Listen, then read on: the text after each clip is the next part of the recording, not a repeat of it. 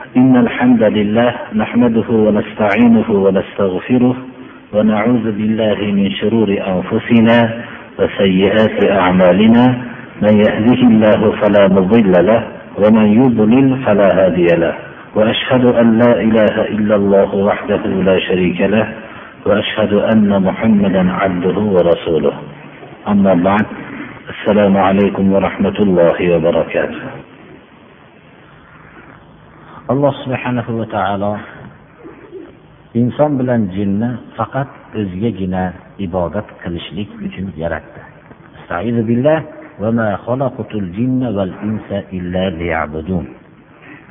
Inson va jinni faqat o'zimgagina ibodat qilishliklari uchun yaratdim deb mana bu oyatda marhamat qilyapti. Ibodat ma'nolari hammamizga ma'lum. Birinchi biz aqidani o'zimizda mujassamlashtirmoqligimiz kerak. Ya'ni yakka ma'budga ibodat qilib bu yakka ma'budga bo'lgan ibodatimizda hech bir narsani sharik qilmaslikka biz ma'murmiz. Alloh subhanahu va taolo buyurgan amallarning eng afzali tavhid bo'lsa qaytargan narsalarning eng kattasi shirkdir. Modomiki insonda tavhid o'zida mujassamlamasdan turib shirkdan salomat bo'lmasdan turib uning amali maqbul bo'lmaydi.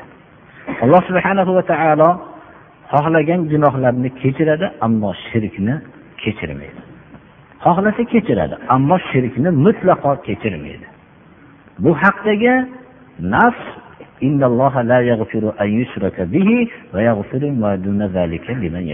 mana bu oyat shunga dalolat qiladi. Demak biz tavhid sahih aqidani egasi bo'lishlikka ma'murmiz. Dunyo va oxiratda najot topishlik. Lekin biz sahih aqidani faqat qalbimizdagina joylangan narsa deb bilib qolmasligimiz kerak. Sahih aqida hayotga bog'langan aqidadir. Mana bu biz darsimizda davom etib kelayotgan gunoh kabiralardan saqlanishlik ham sahih aqidaning hayotga bog'lanishlik ma'nosining bittasidir. Demak sahih aqida insonda mujassamlashtirilgandan keyin tavhidga bog'liq bo'lgan amallarni ya'ni islomga islomning buyruqlarini bajarishlik mo'min kishida mujassamlashadi va olloh qaytargan narsalardan qaytishlik mujassamlashib boradi. Ba'zi kishilarga alloh subhana va taolo o'zining ne'matini berib o'zi buyurgan narsalarning hammasini qilishlikka va qaytargan narsalarning hammasidan qaytishlikka muvaffaq bo'ladi. Ba'zi kishilar iymon martabasining bu cho'qqisiga chiqolmaydida buyurgan narsalarning aksarlarini bajaradi. Ya'ni bu degan so'z farzlarni tark qiladi deganimiz emas mutlaqo farzlarni tamoman bajaradi va qaytargan gunohi kabiralarning hammasidan bo'lmasa ham ko'pidan qaytadi.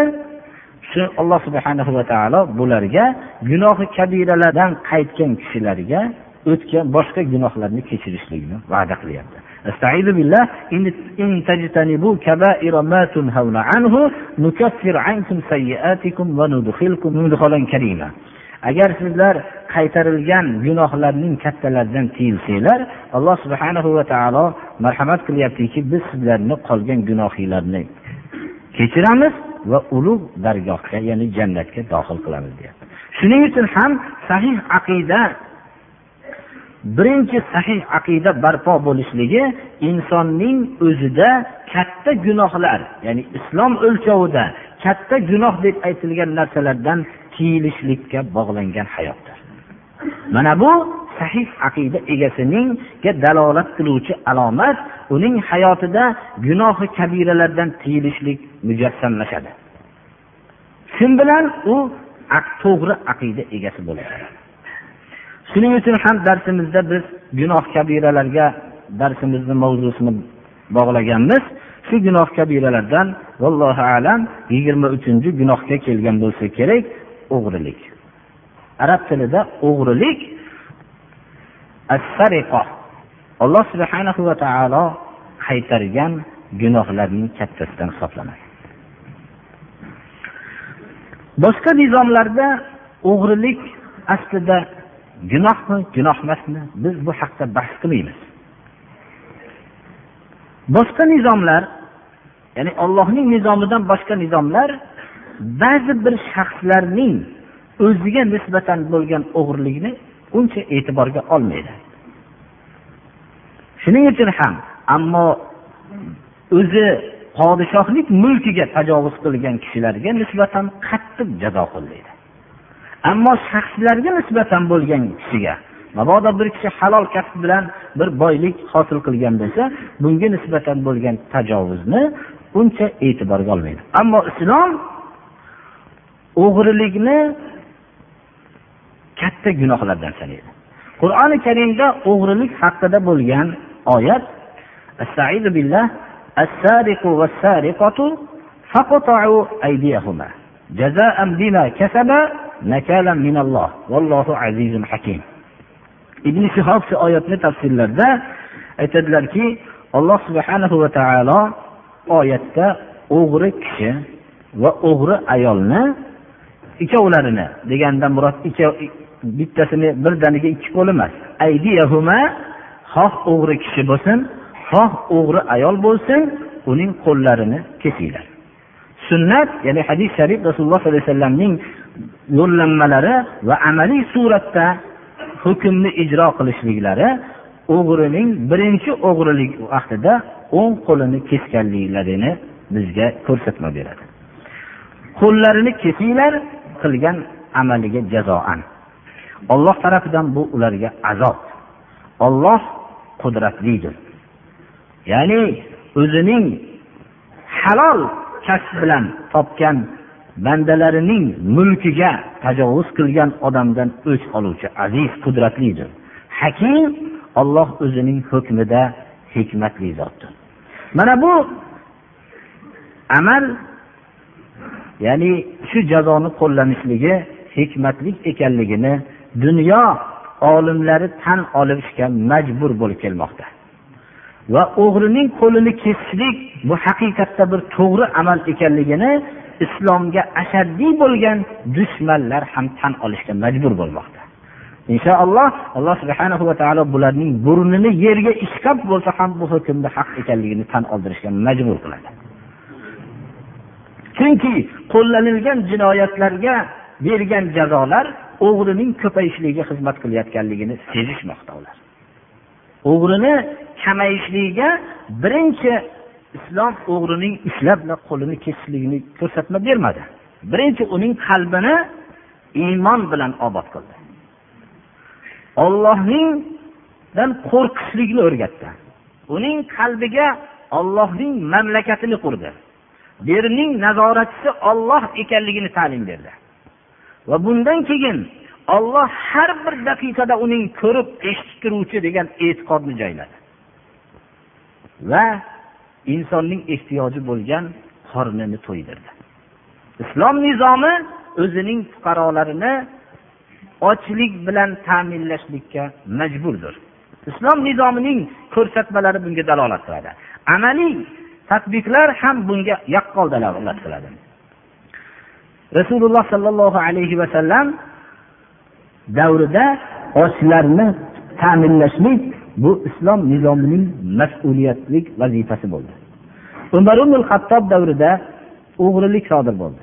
Men buni aytishlikdan maqsad ko'p islomning tushunmagan kishilar islom nizomini ko'z oldilariga keltirganda qo'li yo'q bo'lgan shaxslarni ko'z oldiga keltirishadi. Chunki hozir vaqtdagi yo bundan ilgarigi vaqtlardagi o'g'rilarning ko'pligi bu hammasini qo'lini qirqib tashlansa qo'lsiz jamiyat vujudga kelishiga qo'rqitadi. Chunki bu o'g'rining ko'pligi hatto bu oyatda kelgan o'g'ri ayol deyishligi bir mo'jizaki inson nahotki ayol kishidagi afif nazokatli muloyim tabiat bo'lgan maxluq ham o'g'rilik qilishligi mumkinmikin degan qalbga keladi. Lekin hozirgi jinoyat qidiruv hisoblarini olinganda o'g'rilarning aksarlari ayollar ekanligiga dalolat qilyapti. Mana bu narsa qur'onning mo'jizalaridan o'g'ri kishi va o'g'ri ayol deganligi bir mo'jizadir bu.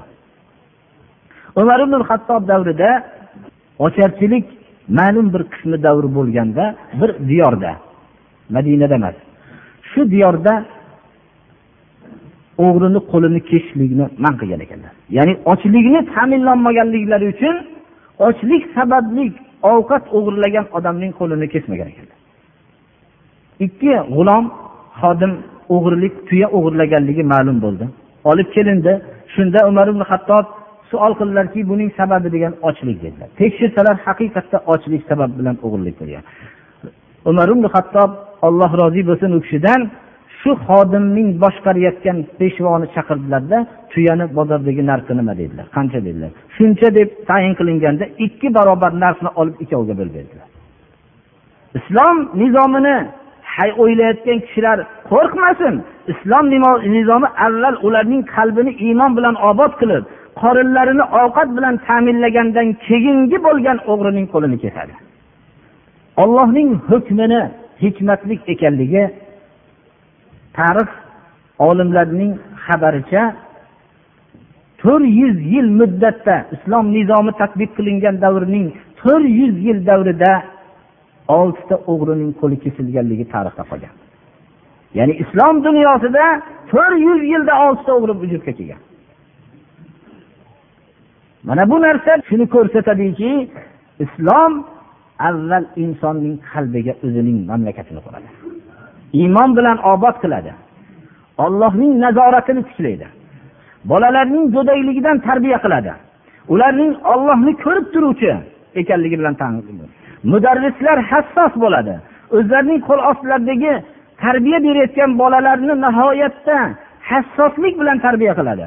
Olloh ko'rib turuvchi ekanligini go'dakligidan oilada bo'lgan tarbiyadan keyin o'zining madrasalarida ta'lim oladi. Misol qilib olganimizda mana bu mudarrisning bilan tolib o'quvchi o'rtasidagi bo'lgan suhbat ham mana shunga dalolat qiladi. Mudarrislarning bittasi o'zining o'quvchilariga hech kim ko'rmagan joyda bittadan tovuqni so'yib kelishlikka buyruq qildi. Ammo shu so'yilayotganligini hech kim ko'rmasligi shart edi. Shunda bolalar bittadan tovuqni so'yib kelishdi. Hech kimga ko'rsatmagan joyda so'yishib keldi. Ammo bir tolib so'yib kelmadi.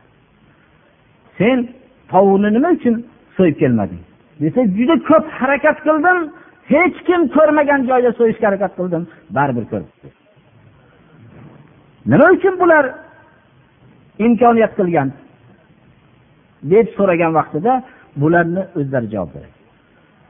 Seni kim ko'rib qoldi desa hamma joydan bekitoldim lekin ollohdan bekitolmadim olloh ko'rib qayerda bo'lsam olloh ko'rib turibdi. Shuning uchun men menga buyurilgan narsa hech kim ko'rmagan joyda tovuqni so'yib kelishligida men bu imkoniyat menda yo'q mudarris o'zining o'quvchilariga olloh har bir joyda ko'rib turayotganligini bildirmoqchi bo'lgan edi. Mana bu ta'lim oiladan keyin madrasada bo'ladi. Bu ta'limlardan keyin ham ochlik davrida qo'l kesilmaydi. Ochlik sababi bilan o'g'irlik qilgan odamning qo'li kesilmaydi. U ochlik bilan ta'minlanishgandan keyin ham o'g'irlik qilgan shaxs u razil odam. U qo'li kesilishlikka loyiq bo'lgan odam. alloh subhana va taolo o'zining hukmida hikmatlidir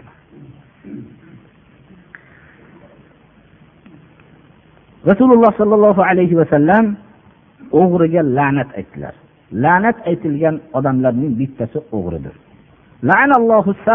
الذي يسرق البيضة فتقطع يده ويسرق الحبل فتقطع يده olloh o'g'riga la'nat qilsinki o'g'rilik qilib qo'li kesiladi.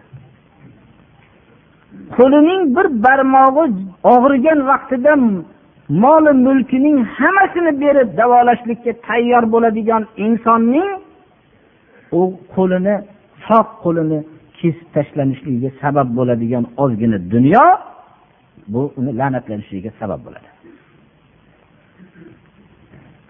Undan tashqari qo'l doim ochiq turadi. Buning qo'lsiz odamni ko'rishlik bilan o'g'ri ekanligi hujjati tayyor bo'ladi. Odamlar butun umrbod bu hijolatlikni o'zining avlodiga ham qo'yib qo'yadi. Buning tagida biz bilmagan boshqa ko'p hikmatlar bor alloh subhanahu va taolo o'zining hukmida qudratli va hukmida hikmatli bo'lgan zotdir. Rasululloh sollallohu alayhi vasallam davrida quraysh qabilasining ichidagi eng mahzumiya deb atalgan qabiladan bir ayol o'g'irlik qildi. Rasululloh sollallohu alayhi vasallam qo'llarini kesishlik haqida hukmni ijro qilinishligidan ilgari payg'ambarimiz sollallohu alayhi vasallamga eng suyumli bo'lgan zot usomat zayd bu kishini odamlar iltimos qilib shunday ulug' xonadondek ulug' qabiladagi ayolning qo'li kesilib sharmandalik bo'lmasligi uchun iltimosga jo'natishdilar rasululloh sollallohu alayhi vasallam mana bu joyda o'zlarining nizomlari qanday ekanligini so'zlari mana dalolat qiladi. Zayd mabodo bir kishining iltimoslarini qabul qilsalar zaydni iltimoslarini qabul qilardilar. Chunki usoma roziyallohu anhu zaydun ibn Harisani o'g'illari edi. Bu kishining dadalari ham suyimligida va o'g'illari ham suyimligida bu sahobalar o'rtasida oshkor edi. Mana bu kishini hamma bir vaqtda biror bir narsani hukmini buzishlik uchun yaqinroq odamini tanlashganga o'xshagan. Rasululloh sollallohu alayhi vasallam aytdilarki ya usama la araka tashfa'u fi haddin min hududillah ta'ala.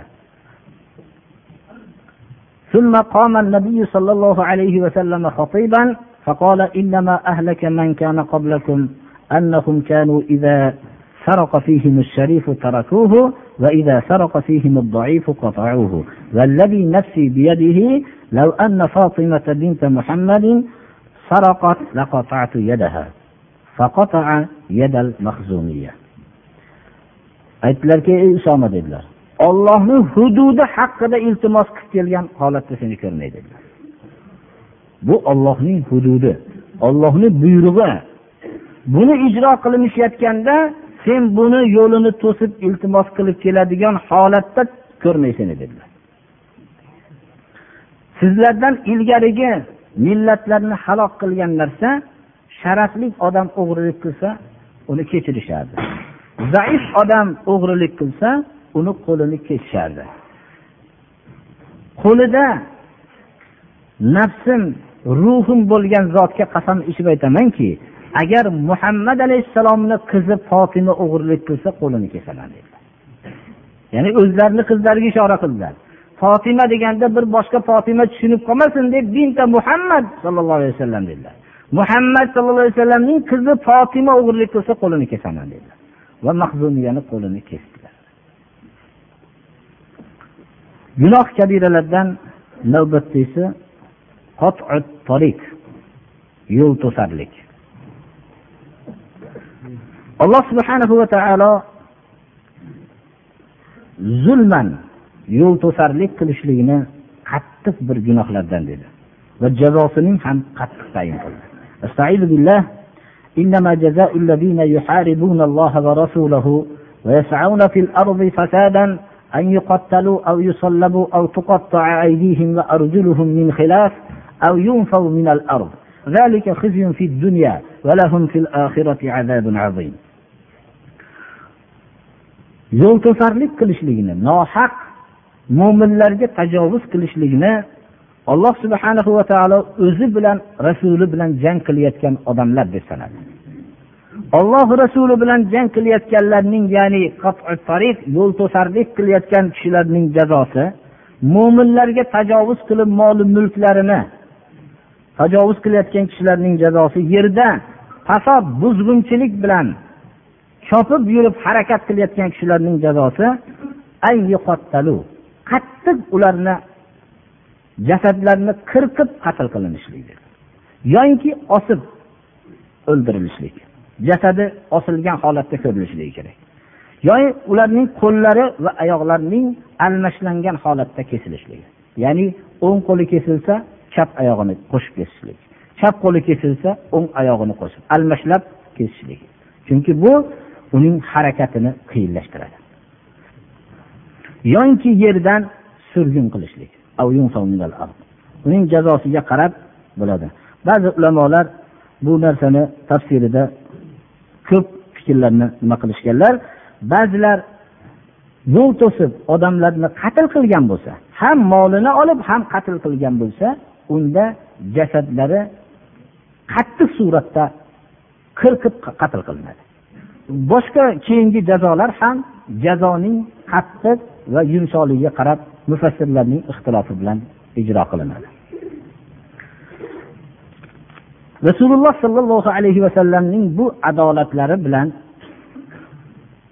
o'zlari bashorat berdilarki habbob arab roziyallohu anhu ko'p azob tortganlarida yo rasululloh dedilar kabada o'zlarining to'nlarini boshlarini tagiga qo'yib yotgan holatlarda kelib bir bizlarga olloh madad bersin.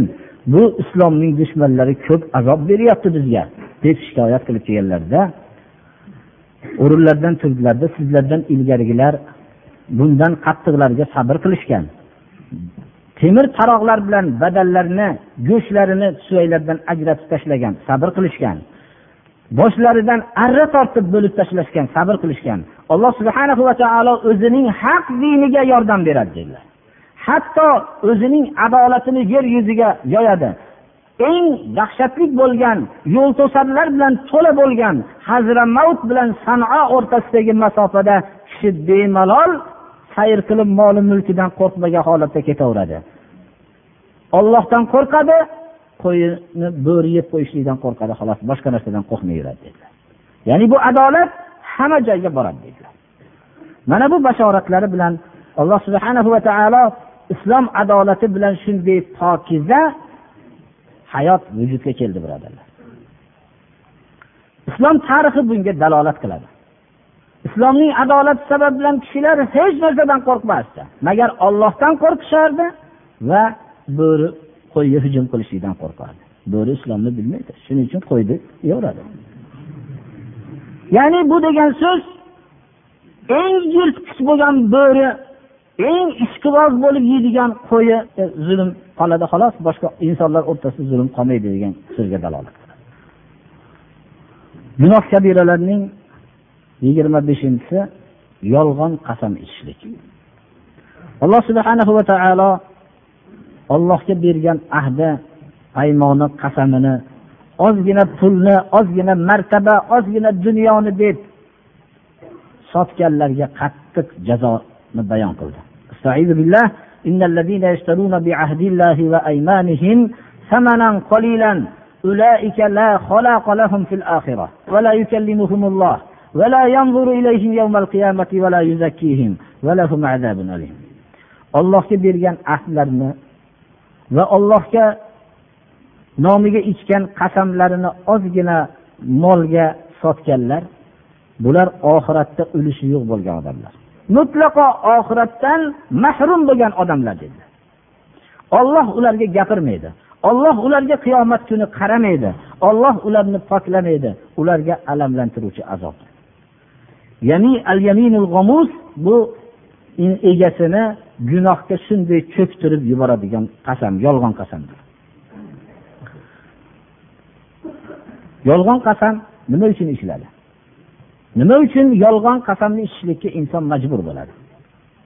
Birinchi jasadiga yetayotgan alamdan qo'rqib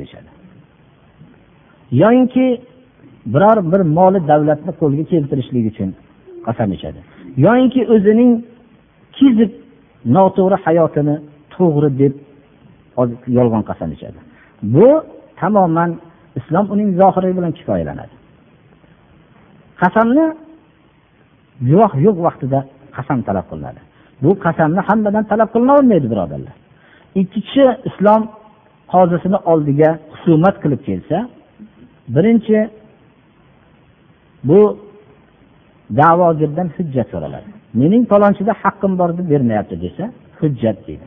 Hujjatim yo'q xoli edik xoli vaqtda beruvdim desa inkor qil bu odam menda haqqi yo'q desa undan qasam beriladi. Qasam mo'min odam qasamning nima ekanligini tushunadi. Mana bu agar shu yerda yolg'on qasam ichsa gunohning daryosiga cho'kib ketib ollohning qiyomat kunida ollohdan ulush ololmaslikka loyiq bo'lishligini olloh unga gapirmasligini olloh uniga qaramasligini olloh uni poklamasligini biladi. Va shu o'rinda o'rinda qasam ichishlikdan bosh tortadi. Haqqi bor menda beraman. Agar dalil bo'lganda dalil kifoya qiladi. Unda qasam berilmaydi. Bir kishi bu yerda o'ylashligi mumkinki bu qasamni hozirgi vaqtda qasam ichishlikdan oson narsa yo'q bu oxiratga iymoni sust bo'lgan odamlarga. Butun haqlarimiz zoyi bo'lib ketaverar ekanda degan fikr keladi. Islom bir odamdagi haqni berishdan ilgari hujjat kitobat qilib yozishlikni ikkita guvohni hozirlashlikni buyurgan. Bu buyruqni qilmagandan keyin aybi o'zida. Dalili bo'lmagandan keyin bosh tortgan odamga qasam beriladi. Qasamni ichsa ikkovlarini oxiratda endi hal bo'ladi deb qo'yib yuboradi. Ikkovinglardan bittanglar haqsizlar. Ammo insonga u qorong'u narsa. Shuning uchun yolg'on qasam ichishlik eng katta gunoh kabiralardandir. Rasululloh sollallohu alayhi vasallam aytdilarki man halafa ala mali imri'in muslimin bighayri haqqin va alayhi kim ollohni nomiga qasam ichsa bir odamdan musulmon odamning molini tortib olishlik uchun qasam ichgan bo'lsa alloh taologa qiyomat kuni olloh unga g'azab qilgan holatda uchraydi. Rasululloh sollallohu alayhi vasallam ba'zi bir hadis shariflarda gunoh kabiralarning sanagan o'rinlarida ya'ni gunoh kabiralarni to'rtta sanagan to'rtta katta gunoh kabirani aytganlar. Ya'ni boshqalarini emas eng katta to'rttasini aytganlarda bittasi shu yolg'on qasam ichish dedilar. Al ishroku billah va uququl validayn va qatlun nafsi val yaminul g'amus allohga shirk keltirish ota onaga osiy bo'lish va odamni nohaq o'ldirishlik va yolg'on qasam ichish dedilar. Yolg'on qasam ichishlik nohaq odam o'ldirishlik qatorida zikr qilinadi shu qasam munosabati bilan shuni aytib o'tishimiz kerakki qasam ollohning nomigagina ichiladi boshqa nomga qasam ichilmaydi. Payg'ambar nomiga qasam ichilmaydi.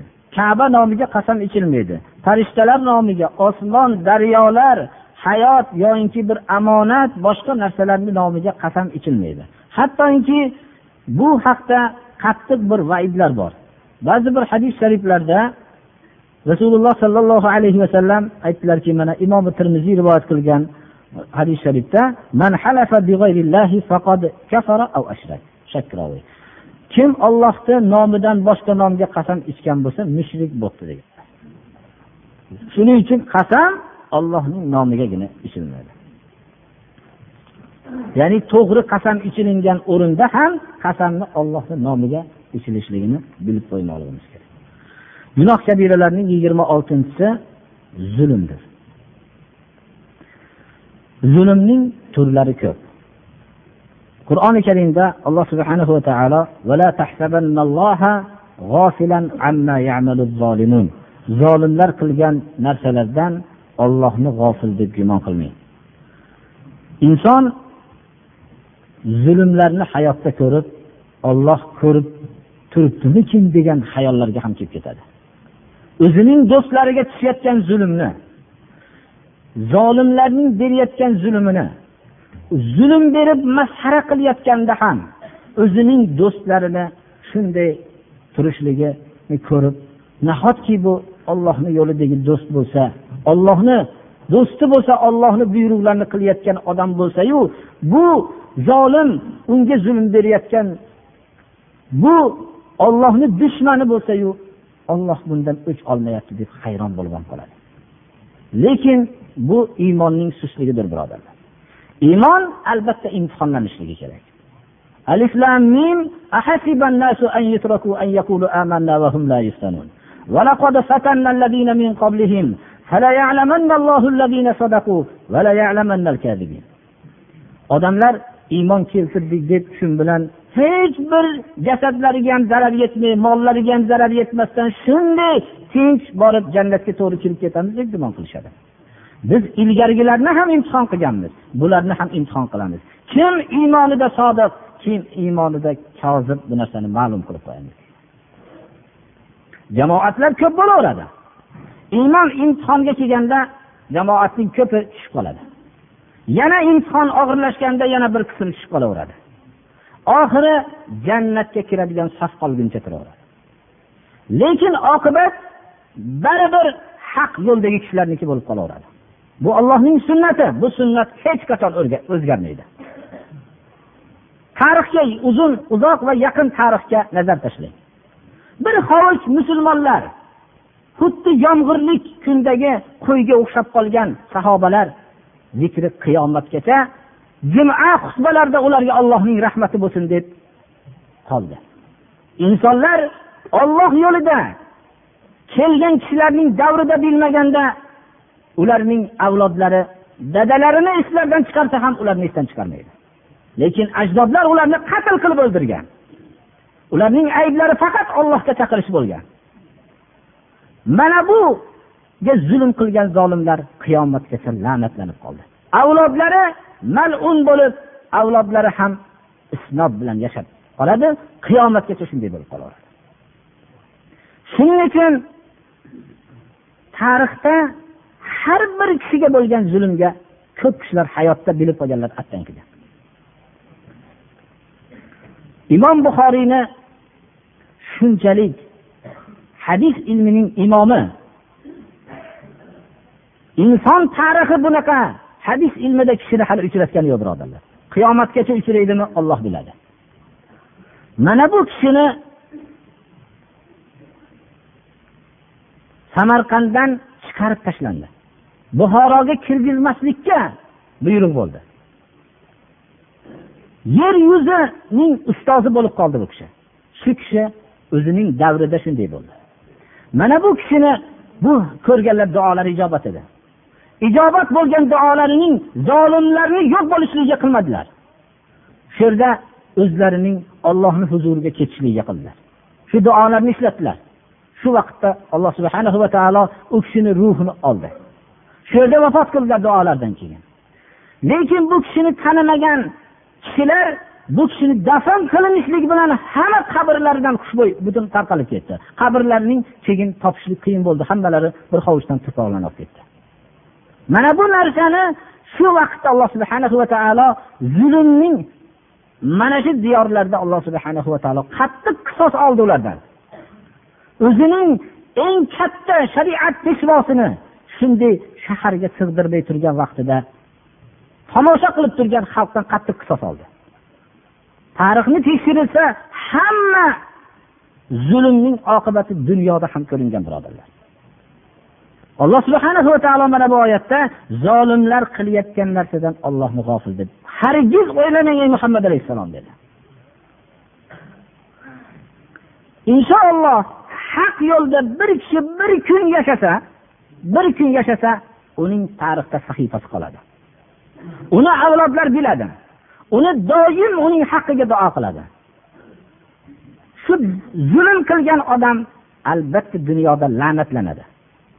Avlodlari ham la'natlanadi. Uning la'nat la'natxona ichida qoladi dunyoni o'zida. Oxiratda alloh subhana va taolo zulm qiyomat kunidagi qorong'uliklar mana bu narsa ollohning sunnati. Bu sunnati o'zgarmaydi. Qarang tarixda yaqin tarix. Qaysi zolim yaxshi zikr bilan qoldi?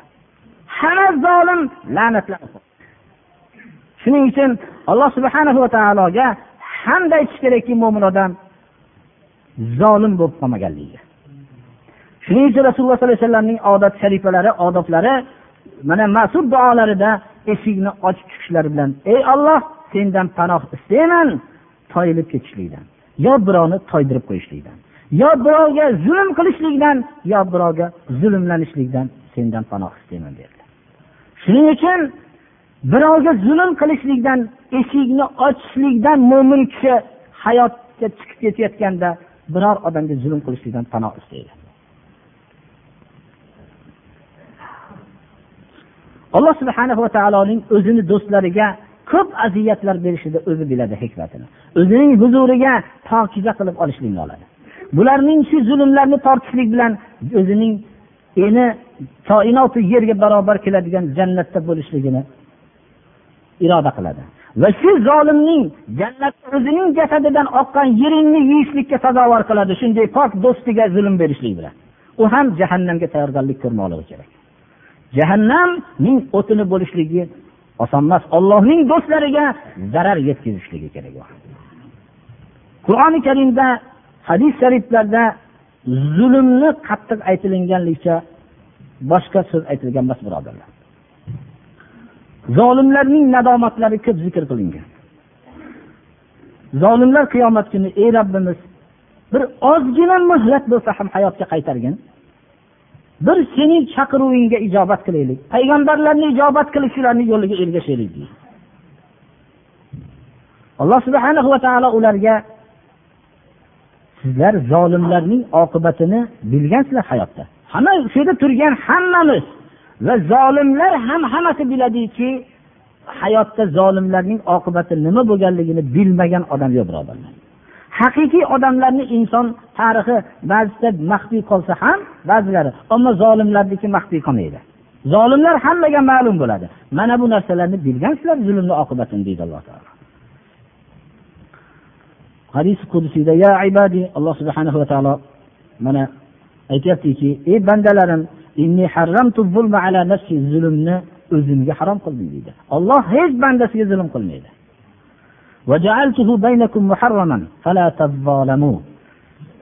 Sizlarni o'rtanglarda zulmni harom qildim. Bir biringlarga zulm qilmanglar dedi alloh taolo. Hatto zulm birodarlar hayvonlar tuproqqa aylanib ketadi. Ammo biror hayvon inson tarafidan mazlum bo'lgan bo'lsa nohaq ozorlangan bo'lsa albatta shu hayvon tuproqqa aylanmasdan ilgari alloh taolo uni eng quvvatli shaklda tiriltiradi va shu zolimdan qisos oladi. Hayvon ham keyin tuproqqa aylanib ketadi. Zulmlarning bittasi zaif bo'lgan odamlarga zulm qilishlik. Oilalariga zulm qilishlik. Faqir yetimlarga zulm qilishlik. Mollarini yeyishlik bilan zulm qilishlik. Jasadlariga zarar yetkazishlik bilan zulm qilishlik. Zulmlarning bittasi rasululloh sollallohu alayhi vasallamning mana imom buxoriy imom muslimda keltirilgan hadis sharifda davlatman odamning qarzini kechiktirib berishligi zulmdir ya'ni bir odam sizni qarzingiz bor ekan bu davlatni topdingiz. Topdingizda lekin buni foydalanib olay deb kechiktirib berishligi zulm. Bermaslik emas. Shuni qodir bo'lgan kuningdan kechiktirishlik zulm mana bu zulm iqtisod ilohi hujum qilingan vaqtda mana bu zulmdan eslatilishimiz kerak birodarlar hozirgi vaqtda hayot hammasi iqtisod tijorat degan ma'noni hammaning qalbiga quyilishlikka harakat bo'lyapti. Mana bu vaqtda davlatman odamning o'zi birovdan olgan haqqini kechiktirib berishligi zulmdir. Mana bu qorong'ilikda qolishlikka sabab bo'ladi qiyomat kunida alloh taolo bundan barakotni ko'taradi. Olloh g'ofil emas bu zolimlarning qilgan ishini. Shuni yaxshi bilib qo'ymoqligimiz kerak.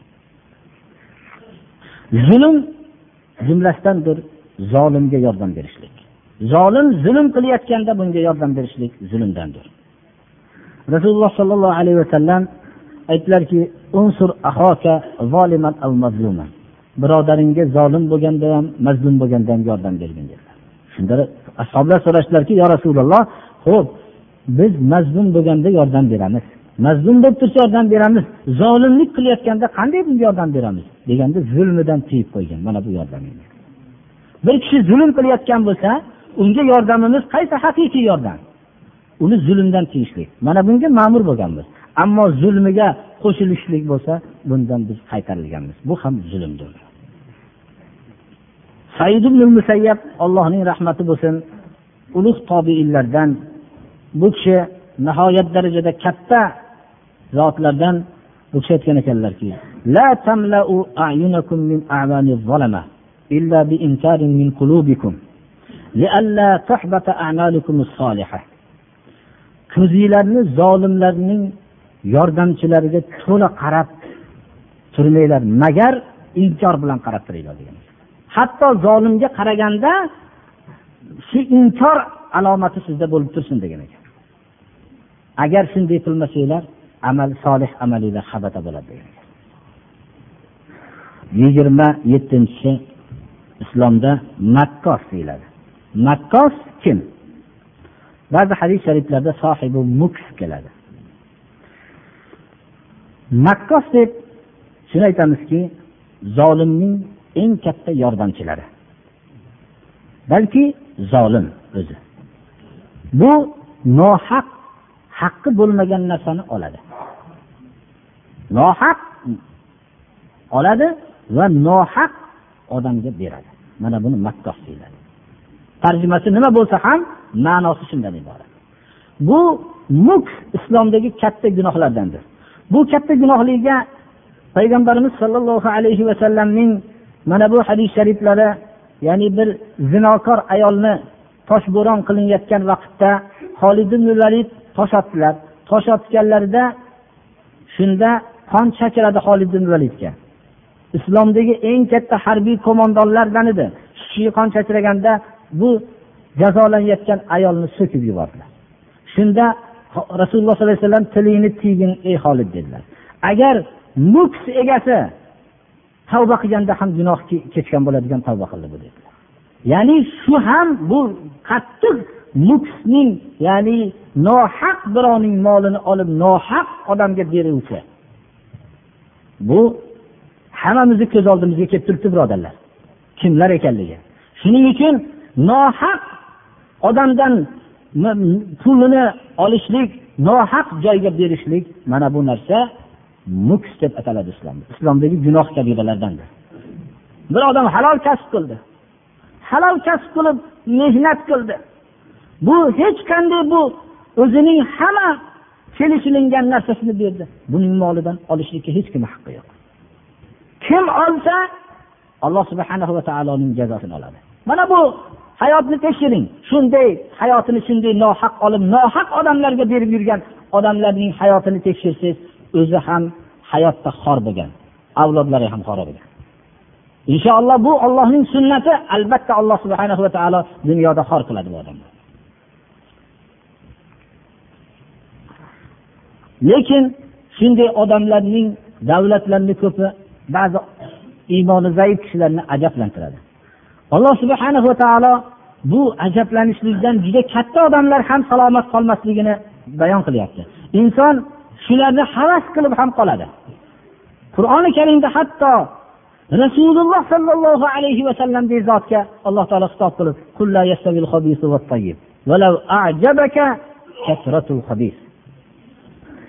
habis nopok bilan pokiza barobar bo'lmaydi deb ayting ey muhammad alayhissalom agarki sizni bu nopok odamning molini ko'pligi ajablantirsa ham sizni deb rasululloh sollallohu alayhi vasallamga aytyapti. Demak biz ham ajablanib qolamiz. Bundan havas qilib paydo bo'ladi. Mana shu vaqtda har qancha uning ko'pligi havasingizni keltirsa ham bundan siz pokiza bilan nopok barobar bo'lmaydi. Buni biling deyapti alloh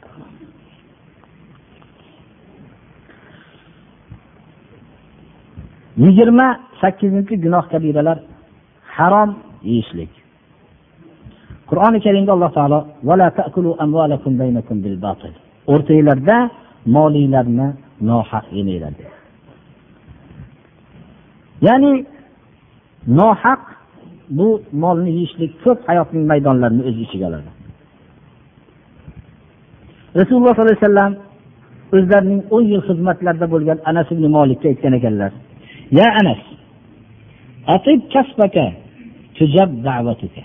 Kasbingni pokiza qil duoing ijobat bo'ladi degan duolarning ijobat bo'lmayotganligining ko'pini sababi birodarlar mana bu kasbning pokiza emasligiga borsa kerak allohu alam. Hadis shariflarda mana avvalgi darslarimizda ham bayon bo'lib o'tgan alloh subhanahu va taolo dedilar rasululloh sollallohu alayhi vasallam imom bayhaqiy rivoyat qilgan hadis sharifda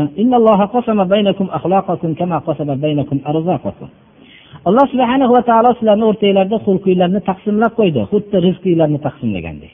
Bu hadisning ma'nosi ba'zi odam bir masalani shiddat bilan hal qiladi. Bir odam muloyimlik bilan bir odam shuni muruvvat qilib ehson bilan hal qiladi. Bir odam muhtojlik sabri bilan hal qiladi. Bu xulqlar taqsimlangan birodarlar. Xuddi rizqlarimiz taqsimlangandek. Muloyim tabiat odam hamma ishni muloyimlik bilan hal qiladi. U shiddat bilan hal qilmaydi. Mana bu xulqlar taqsimlangan. Rizqlarni ham alloh subhanahu va taolo taqsimlab qo'ygan. Alloh taolo dunyoni yaxshi ko'rganiga ham beradi yaxshi ko'rmaganiga ham beraveradi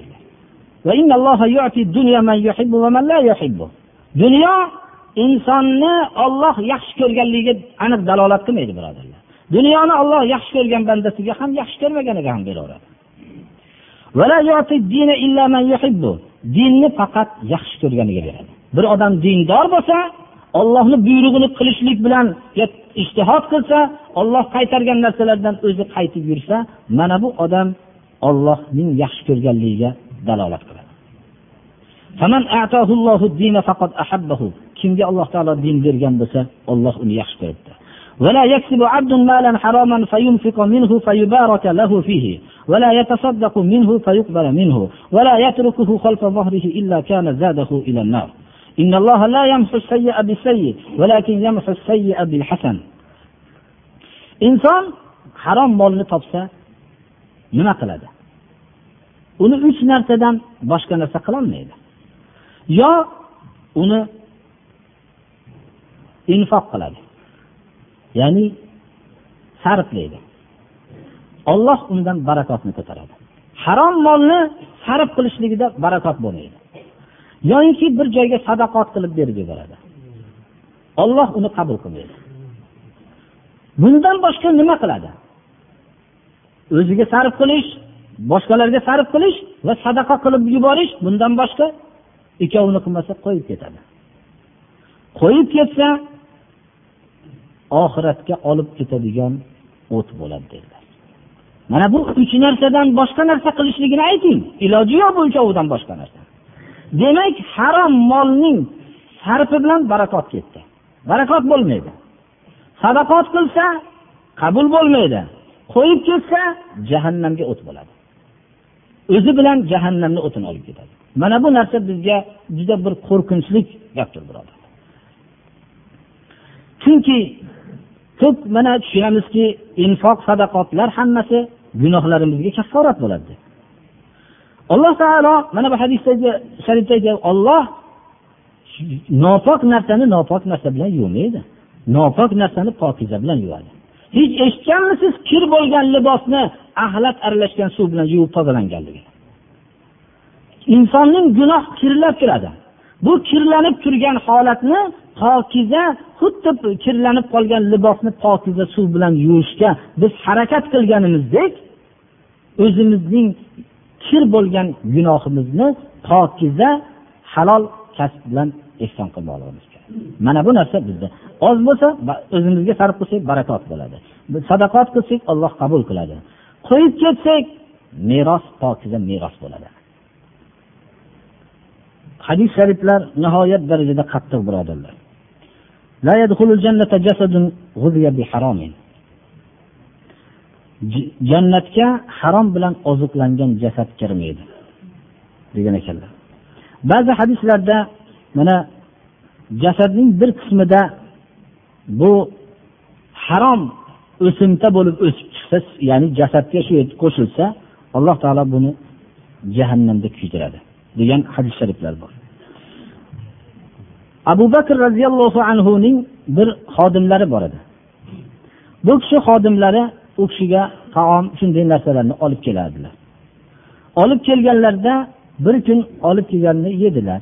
Yeganlaridan keyin bu g'ulom aytdiki nima olib keldim bildingizmi dedilar. Yo'q dedilar. Men johiliyat davrida folbinlik qilardim dedi.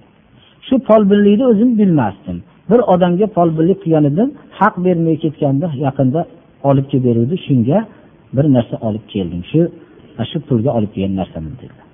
Abu bakr roziyallohu anhu qo'llarini og'izlariga solib qayqilib tamomiy qorinlari xoli bo'lguncha chiqarib tashladilar. Shunda aytgan ekanlarki shu bir ozgina luqma bilan ba'zi rivoyatlarda shu ham bor shu luqma sababli shunchalik o'zingizni qiynaysizmi dedilar.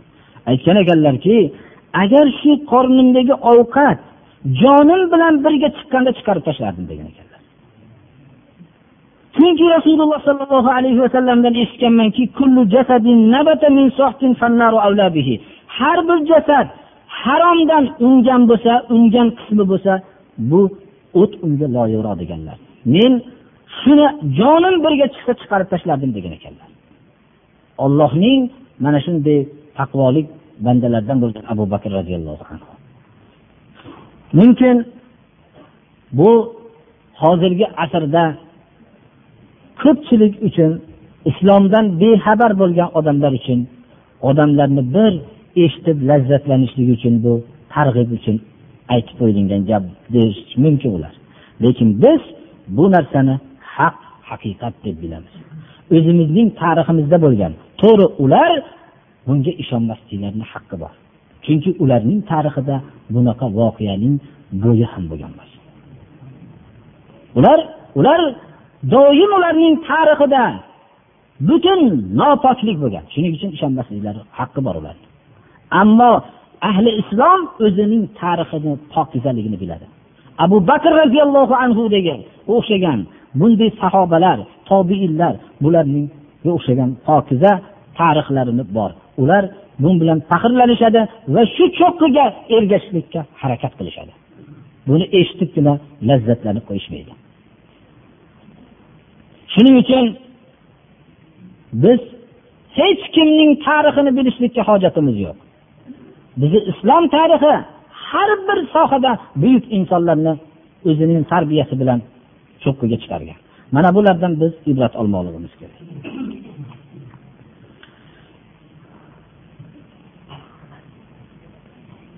Gunoh kabiralardan yigirma to'qqizinchisi inson o'zini qatl qilishligi. Qur'oni karimda o'zini o'zi o'zini o'zi o'ldirgan odamni qattiq vaidlar bor. O'zinglarni qatl qilmanglar. Alloh sizlarga mehribondir. ومن يفعل ذلك عدوانا وظلما فسوف نصليه نارا وكان ذلك على الله يسيرا kim o'zini o'zi o'ldirgan bo'lsa bu zulman tajovuzan uni kelajakda jahannam o'tiga kirgizamiz deydi alloh taolo o'zini o'zi o'ldirishlik bu iymon islom ahlidan sodir bo'lishligi mumkin emas birodarlar alloh subhanahu va taolo shundan hamma musulmonlarni saqlasin o'ttizinchi gunoh kabira gapining ko'pida kizib olloh rasuliga xususan kizib gapirishlik. Alloh subhana va taolo kizib bilan hayotini o'tkazayotganlarga yolg'on bilan o'tkazayotganlarga tilidagi yolg'on bilan hayotini o'tkazayotganlarga la'nat e'lon qildi. Ala la'natullohi ala zolimin. Ala la'natullohi alal kazibin mana bu oyatlar zolimlarga la'nat e'lon qilingan qatorida kozib yolg'on kizib bilan gapirgan kishilarga ham alloh taoloni la'nati bo'lsin deb alloh taolo bayon qildi. Taxmin bilan yolg'on so'zlarni gapiruvchilar o'ldi. Mana bu halok bo'ldi. Haddidan oshib kizibni ko'p gapirganlarni olloh to'g'ri yo'lga yo'llamaydi. hadis shariflarda to'g'rilik ko'p yaxshiliklarga yo'llaydi va innal birra yahdi ilal janna ko'p yaxshiliklar jannatga yo'llaydi وما يزال الرجل يصدق ويتحرى الصدق حتى يكتب عند الله صديقا kishi to'g'ri gapirib boraveradi kishi bir kunda ertasiga birdaniga to'g'ri gapiradigan bo'lib qolmaydi birma bir har bir sohasida to'g'ri muomala to'g'ri gapirib boraveradida ollohni huzurida haqiqiy to'g'ri gapiruvchi to'g'ri muomala qiluvchilar safidan o'rin oladi. Yolg'on gunohga yo'llaydi. Gunoh jahannamga yo'llaydi.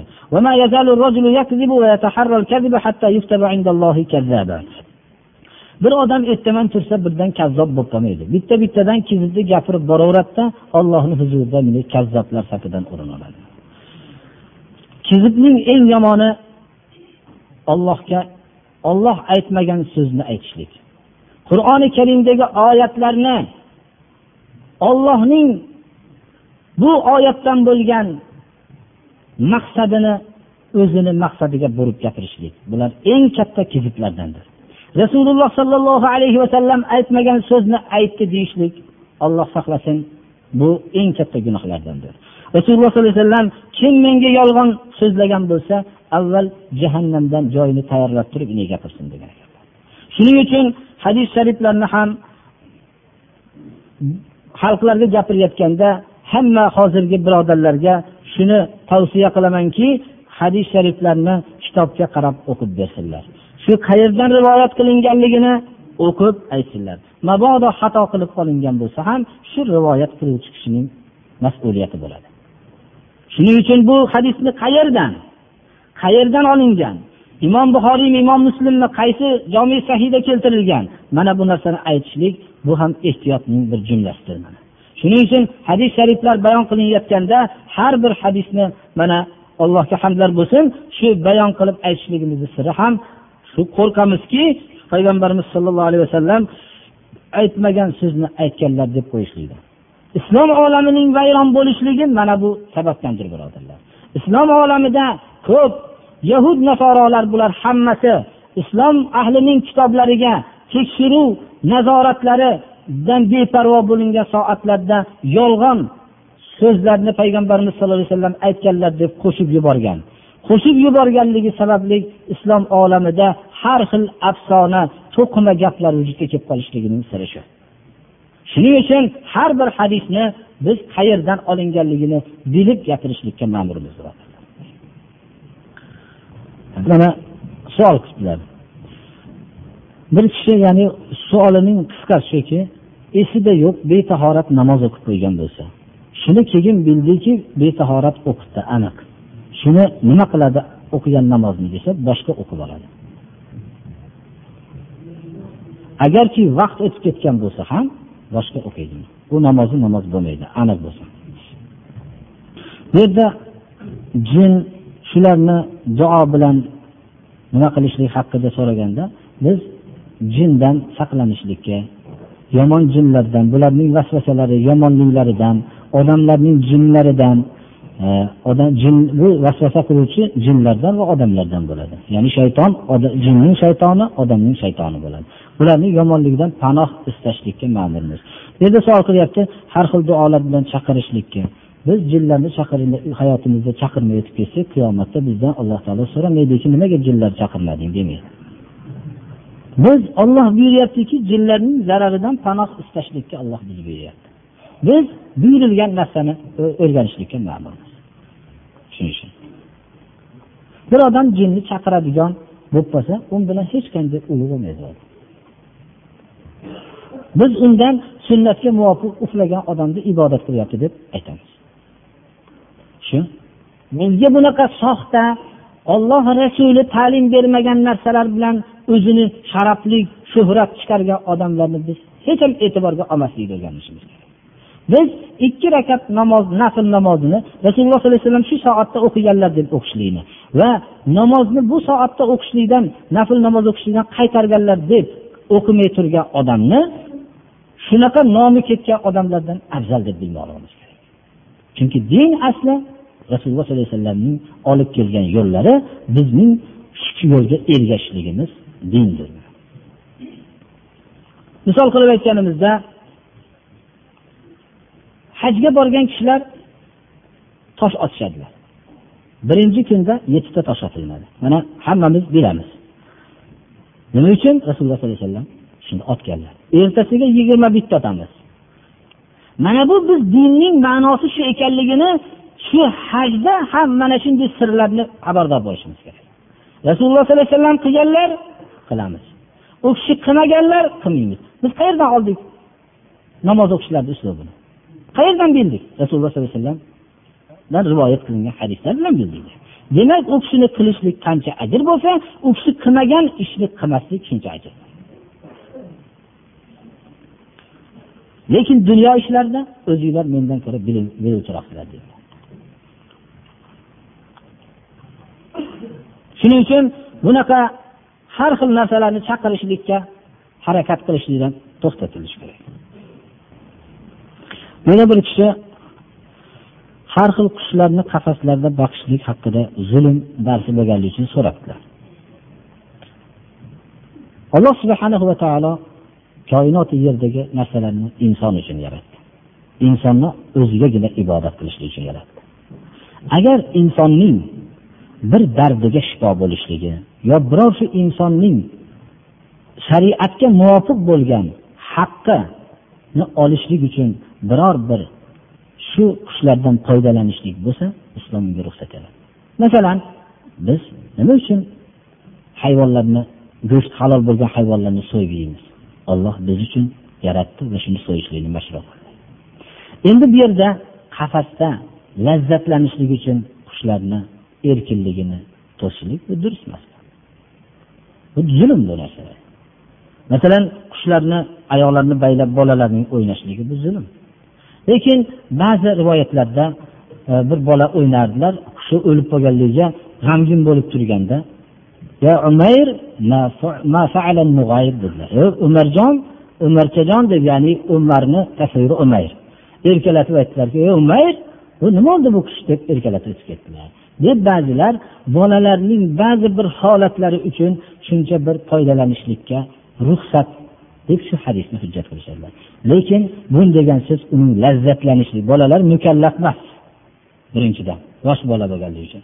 Yoshi katta bo'lgan odam o'zi ibodat bilan umrida ibodat bilan lazzat olmasdan faqat shu qushni uyiga olib kirib lazzatlanish bo'lsa bu ham shaqovat bu ham baxtsizlik bu rasululloh sollallohu alayhi vasallam dedilar. Xursandligim namozda dedilar.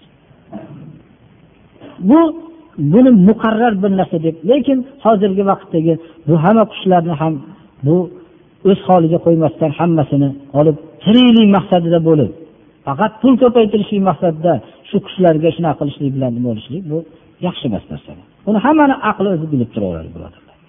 Shar'iy tomondan shariat zulmni hamma turini harom qilgan bu savollarda ko'p bo'lyapti birodarlar. Sunnatlarni ba'zilarini tark qilib tursiz sunnatlariki biz rasululloh sollallohu alayhi vasallam buyurgan sunnatlarda birov bilan murosa qilolmaymiz buyurgan sunnatlarda. Lekin buyurmasdan qilgan sunnatlarda murosa qilishimiz mumkin. Qilsak ajr bo'ladi. Boshqalar bilan fitna bo'lmasligi uchun qilmay tursak mumkin. Lekin buyurgan sunnatlarda murosa qilmaymiz. Dedi peshin namozini farziga yetib kelsam to'rt rakat sunnatni keyin o'qiyman deb. Albatta o'qiydi. Farzga yetib kelgandan keyin farzni o'qiydi farzdan keyin sunnatni o'qiydi. Jindan saqlanishlikka ma'murmiz degan dedingiz. Buni qanday qilib saqlanamiz dedilar. Takror aytamizki biz jinlarning zararlaridan va mana suralari shunga dalolat qiladi. Rasululloh sollallohu alayhi vasallamning masub duolari bor. Biz saqlanishlikka payg'ambarimiz sallallohu alayhi vasallam bergan ta'lim asosida saqlanamiz. U kishi e, yotayotganlarida sura e, alaq bilan suratul nosni o'qib yotardilar. Va amana rasulni oxirgi ikki oyatni kim o'qisa shu kechqurunda unga yetadigan zararlarga alloh kifoya qiladi deganlar. Deb mana bu panoh istadilar وقل أعوذ وقل رب أعوذ بك من همزات الشياطين وأعوذ بك رب أن يحضرون alloh taolo bizni buyurdi mana shaytonning zararlaridan saqlanishlikka duolarni ayting dedi biz mana shu aytilgan duolardan saqlanishlikka ma'murmiz mana insonlarni ichida har xil odamlar bo'lganga o'xshagan bizga masalan zarar yetkazishlikni maqsad qilgan insonlar bor bunda allohga sig'inib yuramiz bilgan odamimiz bo'lsa o'zimizning ehtiyot choralari bilan yuramiz E, jinlardan biz ko'zimizga ko'rinmaydi. Shuning uchun biz ulardan ko'rinmagan narsadan qanday qilib saqlanamiz? Rasululloh sollallohu alayhi vasallam bizga ko'rinmagan maxluqotlarni xabar berdilar. Ana shulardan saqlanishlikni ham xabarni berdilar. Shu uslubda saqlanishlikka va mana ko'p duoi masuralar bor. Hozir bu hammasini aytishlik o'rni emas. Alloh subhanava taolo hammamizni gunohlarimizni mag'firat qilsin ibodatlarimizni alloh qabul qilsin. Darsimizni davom etsin alloh subhanahu va taolo islomga yordam berayotganlarga yordam bersin zarar yetkazayotganlarga alloh o'zi kifoya qilsin muhammad va alihi va ashabihi